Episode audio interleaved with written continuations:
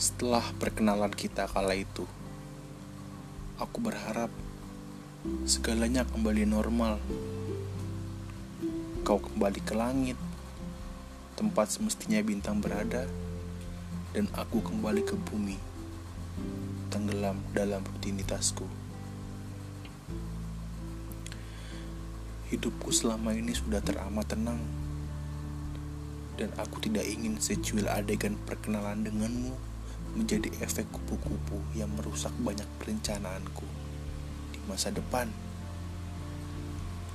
Percayalah, aku sudah pernah bergumul dengan asmara dan patah hati yang ditimbulkan tidak berdampak baik. Dan aku tidak membutuhkan drama untuk saat ini. Namun nahasnya sebuah kata "Hai apa kabar?" darimu kembali membuyarkan fokusku. Mati-matian aku berkata pada cermin bahwa perasaan untukmu hanyalah euforia sesaat yang akan hilang dalam hitungan hari. Dan semudah itu kau kembali menyeretku menjadi budakmu. Dan bayangan di cermin tertawa mengejekku. Makan tuh cinta, katanya puas.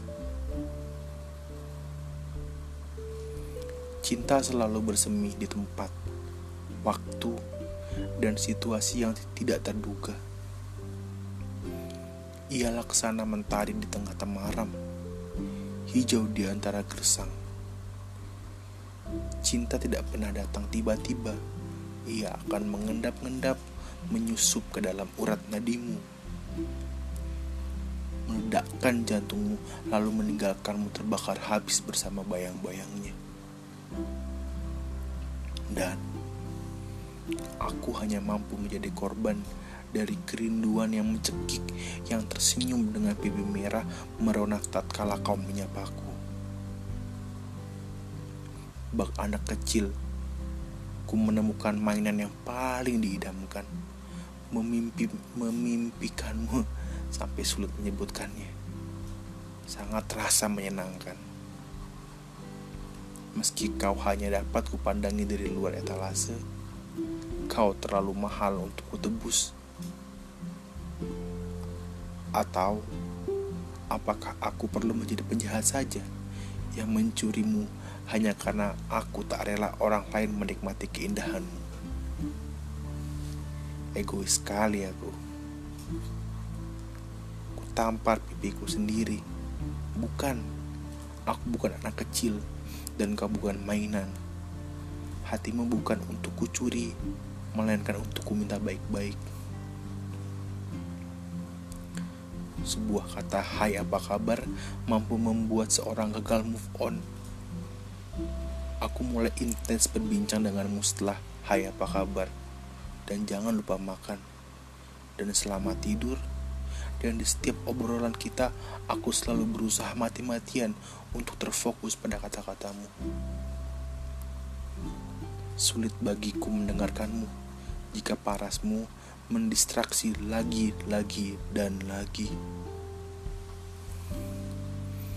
Hmm, kali ini aku tidak bisa mengelak. Aku yakin bahwa hatiku sudah ada di genggamanmu. Menjadi hak milik untuk kau rawat atau mungkin kau hancurkan. Terserah. Namun, tak perlulah aku berpikir terlalu jauh. Dan sekarang yang terpenting adalah mengatur siasat agar posisi kita seimbang. Aku pun harus bisa menggenggam hatimu. Karena entah kau sejauh langit atau sedekat langit-langit, bagiku kau bintang yang akan aku puja setengah mati.